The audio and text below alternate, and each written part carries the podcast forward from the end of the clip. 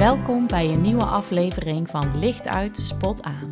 Mijn naam is Daisy van Beckham en iedere aflevering richt ik de spot op één bepaald onderwerp in het proces na een levensveranderende gebeurtenis. Dat doe ik op mijn unieke manier, vol liefde en met enthousiasme, zodat jij daar kracht, liefde en steun uit kunt putten in jouw proces. Dat jij lichtpuntjes haalt uit de spot die ik aanzet. We gaan starten in 3, 2, 1. Licht uit, spot aan.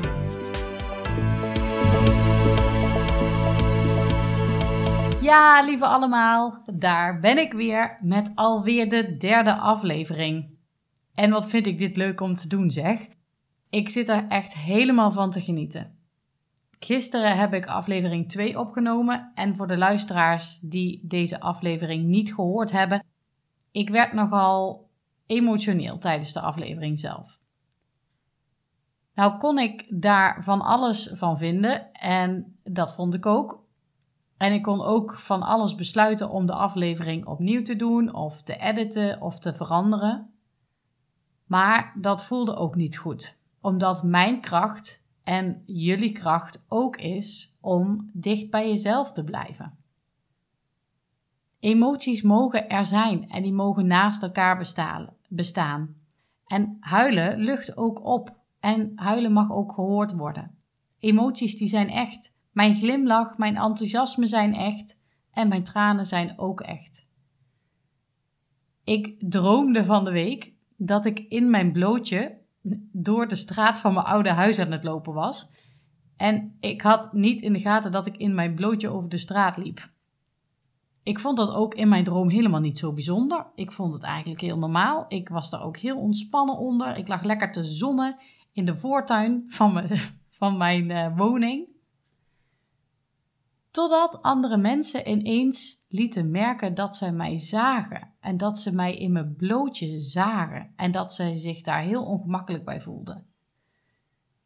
Ze, uh, ze, ja, in mijn droom zag ik dan de mensen in een hele grote boog.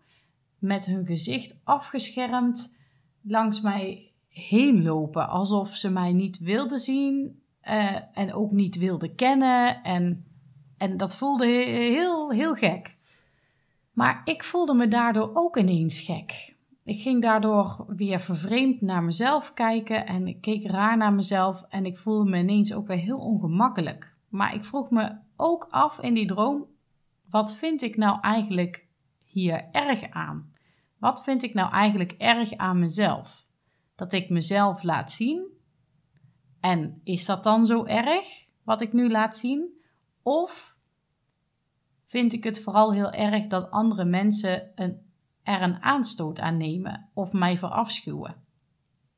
En het was dat laatste. Deze droom heeft natuurlijk ook betrekking op het punt van jezelf op uh, alleen dan op een figuurlijke manier blootgeven. Want ik geef mezelf met deze podcast natuurlijk ook hartstikke bloot. En jou als luisteraar geef ik een rechtstreekse kijk in mijn hart.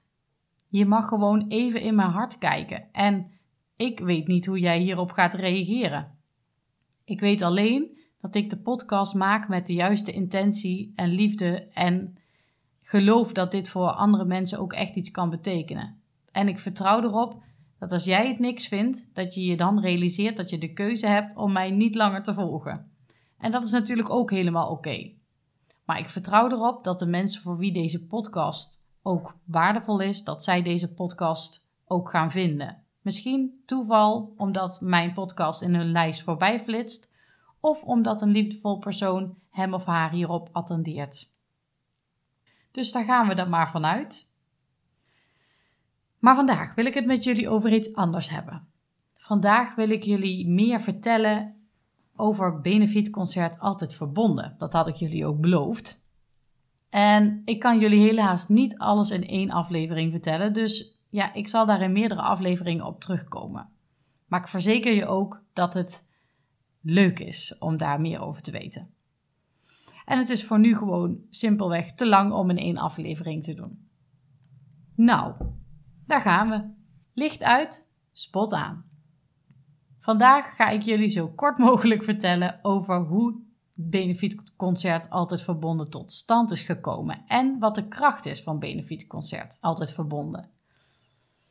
Altijd verbonden is ontstaan op 27 december 2020. Ik wist toen nog niet dat het altijd verbonden zou heten, maar daar lag, zeg maar, werd het eigenlegd van het hele concert. Ook wel productie noem ik hem hier uh, dadelijk. Het was de dag na kerstmis. Het was de eerste kerstmis met zonder Tobias. En ik was al heel vroeg wakker. De kindjes waren bij oma. En uh, ik sliep in die tijd ook nog echt heel slecht. Ik staarde naar het plafond en ik maakte me druk over het feit dat het alweer bijna een jaar geleden was dat Tobias was overleden. En hoe moesten we dat nou gaan doen als het dan dadelijk 20 maart is? En wat, wat doe je dan op zo'n dag? Hoe gaan we dan Tobias herdenken? Wat vind ik fijn? Welke mensen wil ik daarbij hebben? En wil ik daar mensen bij hebben? En daar was ik al wel vrij snel uit. Ehm, want als ik terugdenk aan het afscheid, dan uh, was dat natuurlijk door de komst van tante Corrie.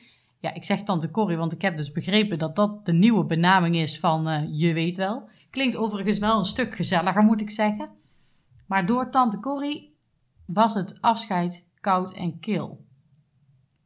Die hele periode voelt koud en kil dankzij tante Corrie. Maar goed, als ik even terug ga naar het afscheid. We hebben op 27 maart 2020 uh, eh, thuis een soort van afscheidsceremonie uh, gehouden. Of ritueel of dienst, hoe je het dan ook wil noemen. En volgens de toen geldende regels mochten er eigenlijk maar drie mensen uh, daarbij zijn. En er waren wel wat uitzonderingen voor bruiloften en begrafenissen. En wij hebben toen nog contact gehad met de gemeente om hierover overleg te voeren en om eventueel vrijstelling aan te vragen. Maar het was in die periode nog zo pril dat ze eigenlijk toen niet eens wisten hoe ze daarmee om moesten gaan. We hebben toen de opa's en oma's van Tobias gevraagd om er toch bij te zijn en mijn beste vriendin en een fotograaf en een hele vriendelijke begane kapelaan, inmiddels pastoor in een andere gemeente. Sasha heet hij. En we regelden voor de mensen die er niet live bij mochten zijn een livestream. We hadden verder gevraagd aan mensen of dat ze ons wilden steunen door buiten te gaan staan in de straat met iets wits. Witte bloemen of een witte ballon of een wit lint. En wit ja, voelt voor mij uh, voelde voor mij heel prettig. Meestal heb je op begrafenissen uh, doe je een zwart lint. Maar voor mij was voor mij wit de ultieme kleur. De ultieme kleur van licht, symbool van zuiverheid, puurheid, onschuld en perfectionisme of zo. Dus daar voelde ik me prettiger bij. Ook hadden we de mensen gevraagd of ze dan als wij dan naar het crematorium zouden rijden, of ze dan achter ons aan wilden rijden. En ja, we hadden zeg maar ons, ons, onze afscheidsceremonie binnen gedaan. En ja, we moesten naar het crematorium toe. Wij uh, hadden een mooi mandje voor Tobias en die had ik gekregen van een hele lieve dame. Tobias lag inmiddels in dat mandje en wij liepen met hem naar buiten toe. En ja, daar werd ik overvallen door emoties, omdat ik al die mensen aan de straat zag staan. Ik kon ook niks zeggen, ik kon ook geen woord uitbrengen, ik kon alleen maar huilen. En ik stapte snel de auto in en daar gingen we naar het crematorium. Ik zat daar in de auto met uh, het mandje met Tobias op mijn schoot. En in de spiegels zag ik hoe uh, de mensen achter ons aanreden naar het crematorium. En dat voelde zo ontzettend krachtig. Aangekomen bij het crematorium gingen wij met ons gezin, mijn beste vriendin en de fotograaf naar binnen. En buiten werd op ons gewacht door een aantal mensen die achter ons aangereden waren. En dat was echt super lief. Toen we weer naar buiten kwamen, stond iedereen op ruime afstand in een kringetje in stilte. Bedroefd, met de witte ballon of witte rozen. En ze stonden daar te wachten en te kijken. Het was oorverdovend stil. Ik wist ook niet wat ik moest zeggen.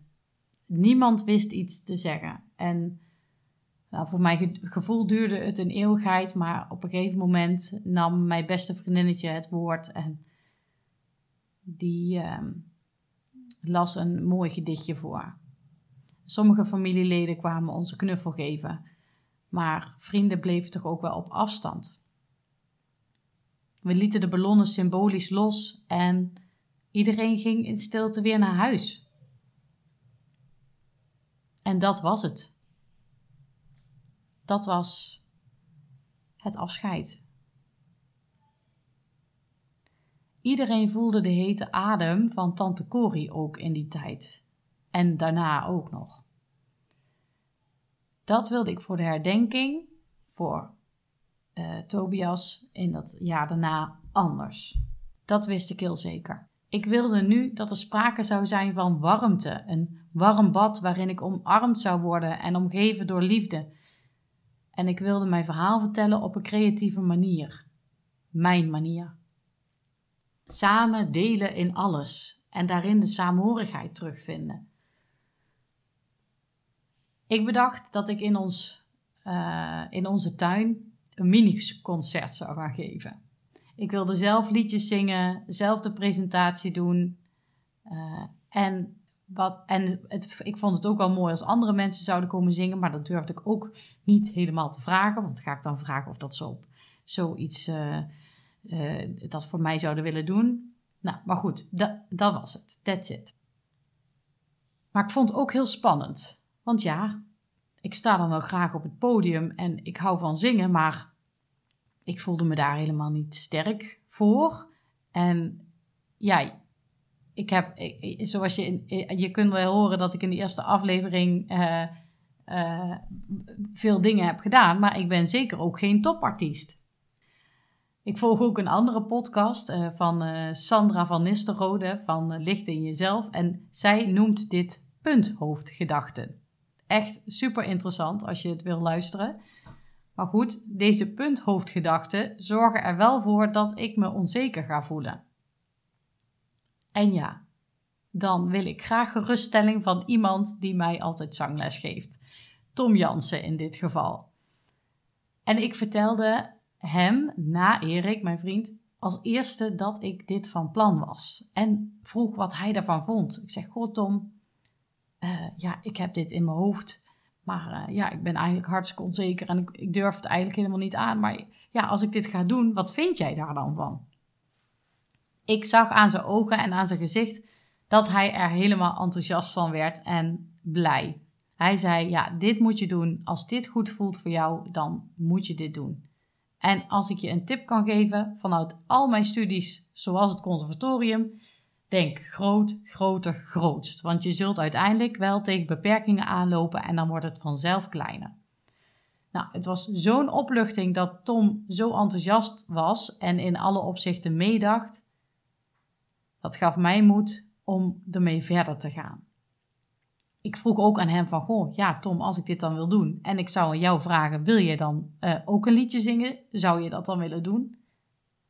En zijn antwoord was volmondig ja. Nou, mijn geluk kon niet op. Uiteindelijk kon Tom helaas niet, want hij kreeg een fantastische uh, op, uh, opdracht in het buitenland. Maar deze geruststelling en zijn vertrouwen in mij, en uh, dat, dat, ja, dat, was, dat doet dan wonderen. En zijn advies heb ik ook altijd onthouden. En nu ik daar ook hardop over aan het vertellen ben, denk ik ook weer terug aan aflevering 1, waarin ik jullie vertelde over A Million Dreams. Super gaaf dit. Ja, ik, ik realiseer me gewoon nu dat het van uh, dat, dat alles met schakels aan elkaar gelinkt is. En soms vallen dan eh, in één keer bepaalde kwartjes. Herkennen jullie dat? Snappen jullie wat ik bedoel? Ja, dit is ook weer zo'n moment van A Million Dreams. Terwijl ik jullie in de eerste aflevering nog hè, zei van droom alsof er geen grenzen bestaan. En dat zei Tom eigenlijk toen ook tegen mij. Maar ja, goed. Ik durfde daardoor wel van start te gaan. En ik zette eigenlijk al heel snel de eerste stappen. Ik benaderde mensen voor of dat ze optredens wilden doen. En uh, ik, uh, ja, ik zette eigenlijk mijn netwerk in. Nou, uiteindelijk bedachten we eerst uh, een, een plan A en een plan B. Nou, plan A, oké, een benefietconcert in de tuin. Of een plan B op een locatie.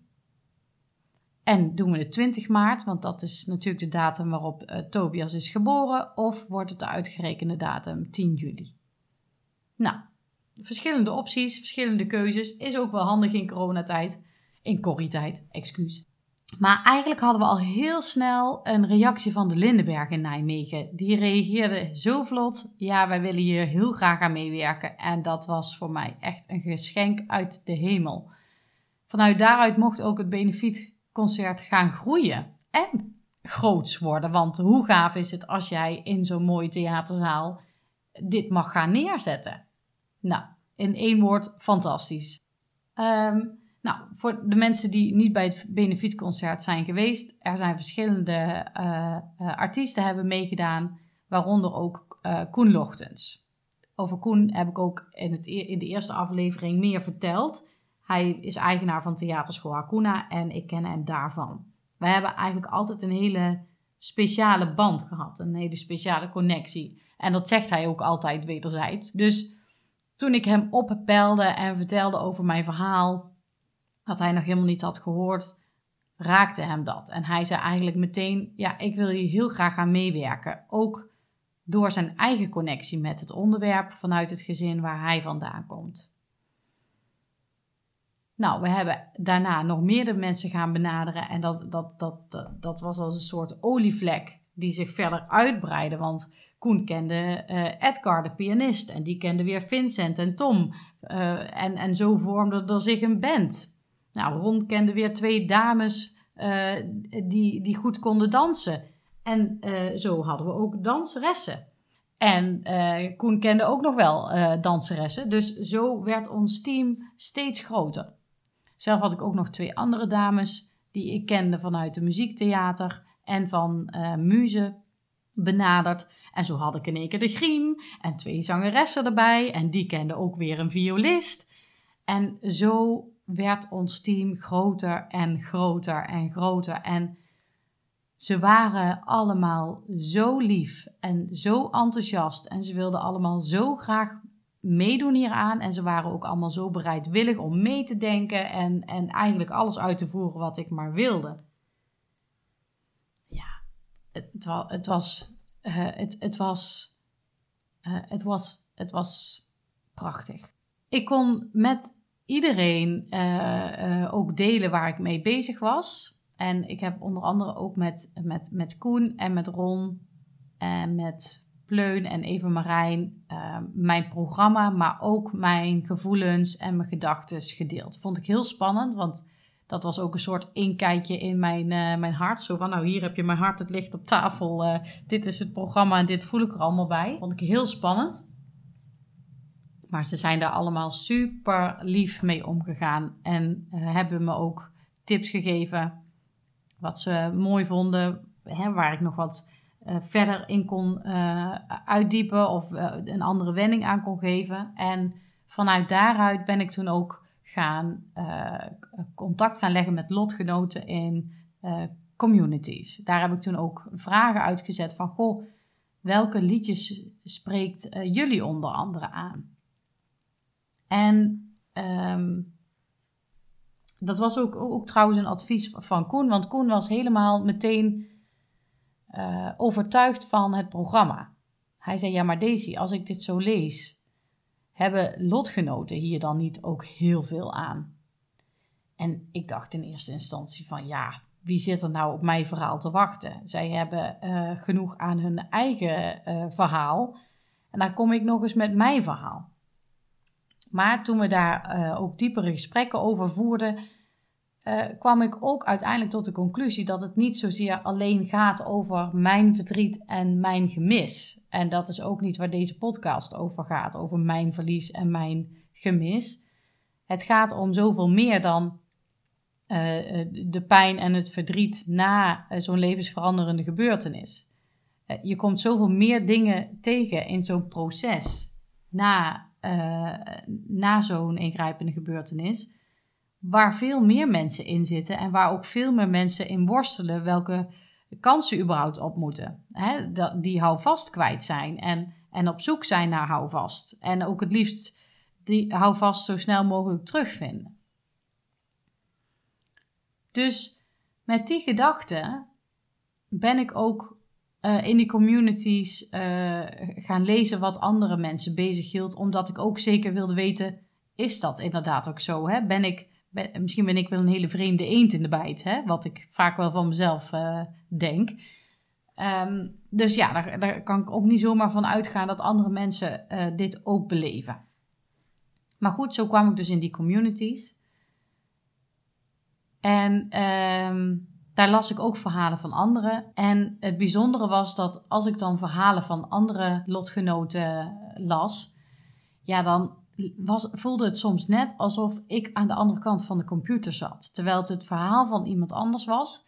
Maar ik kon zo die uh, emoties voelen van de andere kant. Uh, dat ik dacht, ja, het lijkt wel alsof ik aan de andere kant zit. Ik wilde dan die mensen ook zo graag eigenlijk omarmen. En, uh, en ervoor ze zijn. Dat ik ook toen wel voelde dat dit benefiet concert inderdaad ook van waarde kan zijn voor andere lotgenoten. Of mensen die in een levensveranderende situatie zitten. Want zo voelde ik hem toen ook al hoor. In zo'n proces van verlies en verdriet zit iedereen soms met vragen over: van hoe zit het in je relatie? Hoe ga je hier om ten opzichte van je andere kinderen? Hoe ga je hiermee om ten opzichte van vrienden, familie? Waar kun je tegenaan lopen? Uh, werk. Ja, je krijgt op zoveel fronten eigenlijk meer te voortduren dan alleen puur die levensveranderende situatie aan zich. Ook wat ik volgens mij in de eerste aflevering heb verteld, is ja, je valt gewoon letterlijk in, in, in, in een gat of je zit in dat flatgebouw en die gaat onderuit en je moet weer volledig gaan opbouwen. En in dat opbouwen, ja, dan, dan loop je ook nog eens tegen een ander obstakel aan. En daar ga je omheen of je moet eerst dat oplossen. En het, het is veel meer dan alleen de pijn en het verdriet. En ik wilde dan ook echt andere lotgenoten met het benefietconcert een soort van omarmen. En daarmee ook echt het gevoel geven dat ze niet alleen zijn. En dat alles wat er is, dat het er mag zijn. En ik wilde echt een, een, een, een bubbel creëren van eenheid en verbondenheid. En ja, dat doordat ik mijn verhaal vertelde, dat zij zich daarin konden herkennen. En dan ook de erkenning zouden vinden voor hun eigen gevoelens en emoties en frustraties. Zodat ze dan ook echt het gevoel hebben dat ze een soort van gehoord zijn. Dat ze, dat ze gesnapt worden en dat ze dus inderdaad niet alleen zijn. Ik wilde ze echt omarmen, een soort van knuffelen. We hadden bij het eerste benefietconcert ook juist om dit gevoel over te brengen, ook die doosjes vol liefde bedacht. Ik heb daarvoor vele vragen uitgezet en ook vele dingen bedacht. En ook naar aanleiding daarvan hebben echt uh, tientallen vrijwilligers meegewerkt aan het maken van die doosjes vol liefde. Er zijn door heel veel mensen door heel Nederland vlindertjes gehaakt. En degene die dat voor mij heeft uitgezet verder in heel Nederland, ja, daar, die stuurde mij foto's steeds toe van alle vlinders die de hele per post binnenkwamen gevlogen. En nou, dat, dat, dat raakte mij zo dat ik dacht van wow, wat veel mensen zijn zich nu aan het inzetten voor mijn initiatief. En ik mag gewoon al die liefde van al die dingen die worden gemaakt, hartjes die zijn geknutseld, uh, vlindertjes die zijn gehaakt, kaarsen die zijn gemaakt, kaarten die zijn gemaakt die mag ik gewoon gaan verspreiden. En het is met zoveel liefde door al die mensen gemaakt. Ik ik voelde het gewoon binnenkomen. Ja, en echt al die dingen waren niet perfect hoor. Maar de imperfectie, daar ging het niet om. Want weet je, onze levens zijn ook niet perfect, hè, door alleen al de kras op onze ziel. Maar ehm, de liefde die de mensen erin hadden gestoken, die was zo voelbaar. En het was voor mij echt een cadeautje om dat ook weer over te mogen brengen op de andere mensen. En dat sloot gewoon naadloos aan op mijn intentie bij dat benefietconcert. Het gevoel van niet alleen zijn, het gevoel dat het er ook allemaal mocht zijn, daar paste dit gewoon helemaal bij. En dat maakt het ook zo krachtig, dit benefietconcert.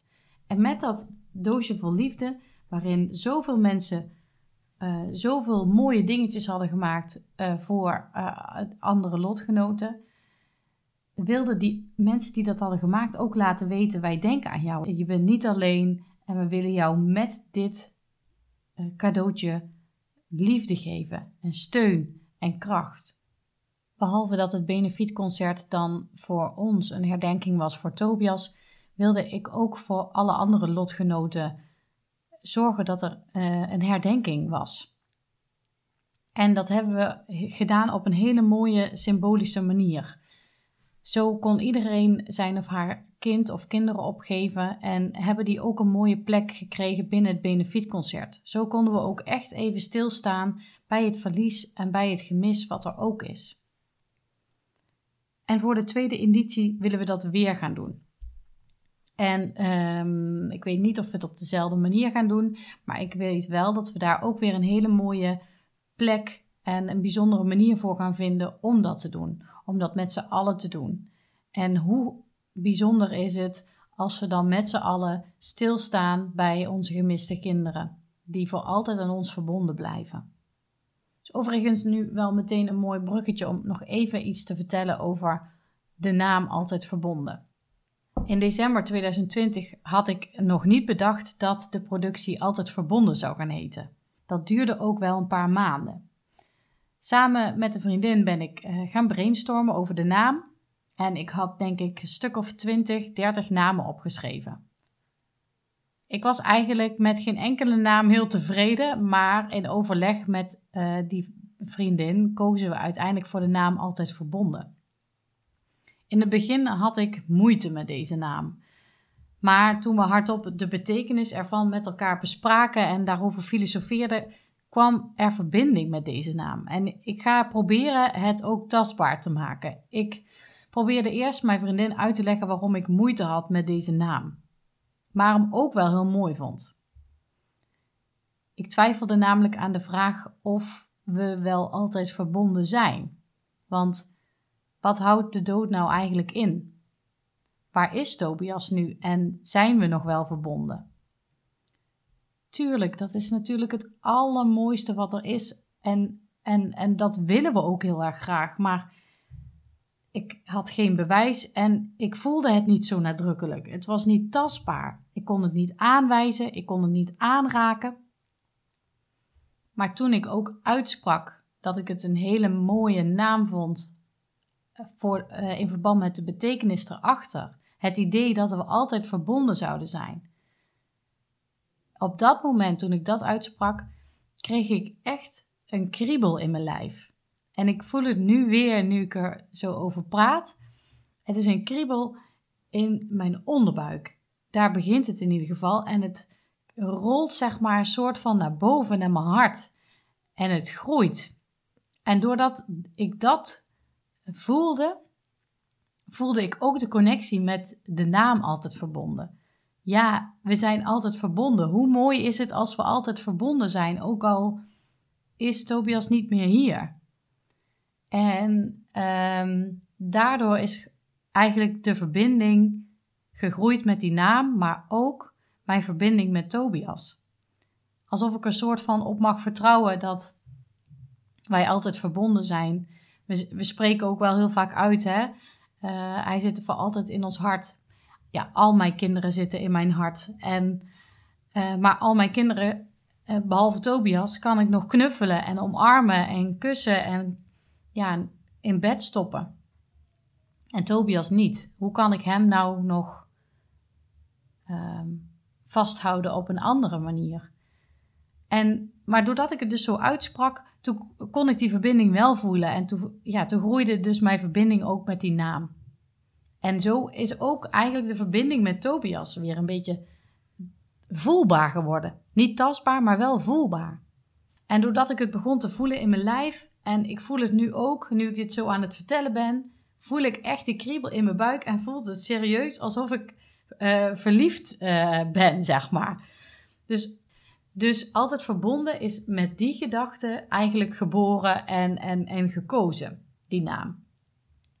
Maar de naam altijd verbonden, nu we zo deze editie hebben, eerste editie hebben meegemaakt, is nog van een veel grotere betekenis geworden. En dat, daar ga ik je in een andere aflevering meer over vertellen. Nou, daarna gingen we op zoek ook naar een beeldmerk voor onze naam. En natuurlijk moest dat iets worden met een hart. En ik ging thuis aan de slag met tekenen en mijn vriendin had ook wat afbeeldingen gemaakt. En het grappige was dat we allebei dezelfde tekens uh, gebruikten. Dus we hadden allebei, uh, tekenden we dingen met een hart. En we tekenden ook allebei een verbindingsteken. En het verbindingsteken had uh, voor mij en Erik ook nog een andere belangrijke betekenis. Want tijdens onze eerste sessie kregen wij op een blaadje de omgekeerde acht mee, het oneindigheidsteken. En ja, dit heeft dan weer verband met de manier van communiceren. Wat neem je mee in je, in je communicatie aan gevoel? Of wat laat je weg? En wat heeft dat weer voor gevolgen voor de communicatie die daarna volgt en vice versa? En dat is altijd verbonden ook. Communicatie met gevoel, wat iets teweeg brengt. En als ik het mag omschrijven, dan is dat een hele grote golf van liefde. Het volgende concert gaan we ook weer echt iets heel moois doen. Echt iets heel bijzonders. Ik zie het ook echt helemaal voor me. Uh, hoe we een golf van energie en verbinding gaan creëren met elkaar. En dat we ons met z'n allen één voelen. En die verbinding voelen met onszelf, maar ook met lotgenoten. Met je overleden kind, maar ook met je familie en met je vrienden. En ik kan daar nu als zo naar uitkijken. Dus ik ga voor nu afsluiten en ik wil je alleen maar meegeven dat als je erbij wil zijn, zorg dan dat je uh, de ontwikkelingen in de gaten houdt, zodat je ook bij het nieuwe benefietconcert aanwezig kan zijn. Nou, heel erg bedankt, lieve luisteraars. Ik kijk uit naar een volgende aflevering. Ik denk dat dat voor over ongeveer twee weken is. En als je je dus eventjes uh, abonneert of uh, volgt via je podcast-app, uh, dan kun je zien wanneer ik de aflevering weer online heb gezet. Dan krijg je daarvan een melding als je dat wil. En ik zou het super leuk vinden als jullie dan weer luisteren. Tot de volgende aflevering. Doei doei! Leuk en onwijs bedankt dat je hebt geluisterd naar deze aflevering van Licht uit Spot aan. Ik ben benieuwd of je er iets uit hebt kunnen halen wat voor jou van toepassing is. En dat mag je me natuurlijk ook altijd mailen of een berichtje sturen via Instagram of Facebook. Je kunt me daar vinden onder mijn eigen naam, Daisy van Beckham, of op Instagram lichtuitspotaan.nl. De website is nog in wording, dus daar moeten we nog even op wachten. Maar zodra die online is, dan laat ik het je zo snel mogelijk weten. Ken jij iemand voor wie deze podcast ook waardevol kan zijn? Deel deze podcast dan gerust. Dan kunnen we samen nog meer luisteraars houvast bieden. Luister je via Spotify? Dan kun je deze aflevering heel eenvoudig delen door in de podcast-app naar de drie puntjes te gaan en dan op delen te klikken. Waar je mij nog meer mee kan helpen is als je een review achterlaat bij deze podcast. Dat is ook redelijk eenvoudig. In de podcast-app waarmee je deze podcast luistert, klik je op reviews en daar kun je bijvoorbeeld 5 sterren achterlaten. Wil je niks missen en wil je dus weten wanneer ik een nieuwe aflevering online heb gezet? Abonneer je dan op mijn podcast. Klik in je podcast-app op de knop subscribe, abonneren of volgen en je kunt dan nog zelf kiezen of je een pushmelding wilt ontvangen of niet, maar dan ontvang je automatisch een bericht als de spot weer aangaat. Tot slot, heb je een vraag of wil je graag dat een bepaald onderwerp in de spot wordt gezet? Wil je een liedje of iets anders waardevols met mij en andere luisteraars delen? Laat het mij dan gerust weten. En wie weet zet ik jou, jouw gekozen nummer of jouw onderwerp of vraag in de spot. Voor nu een hele fijne dag en tot de volgende aflevering van Licht uit, Spot aan.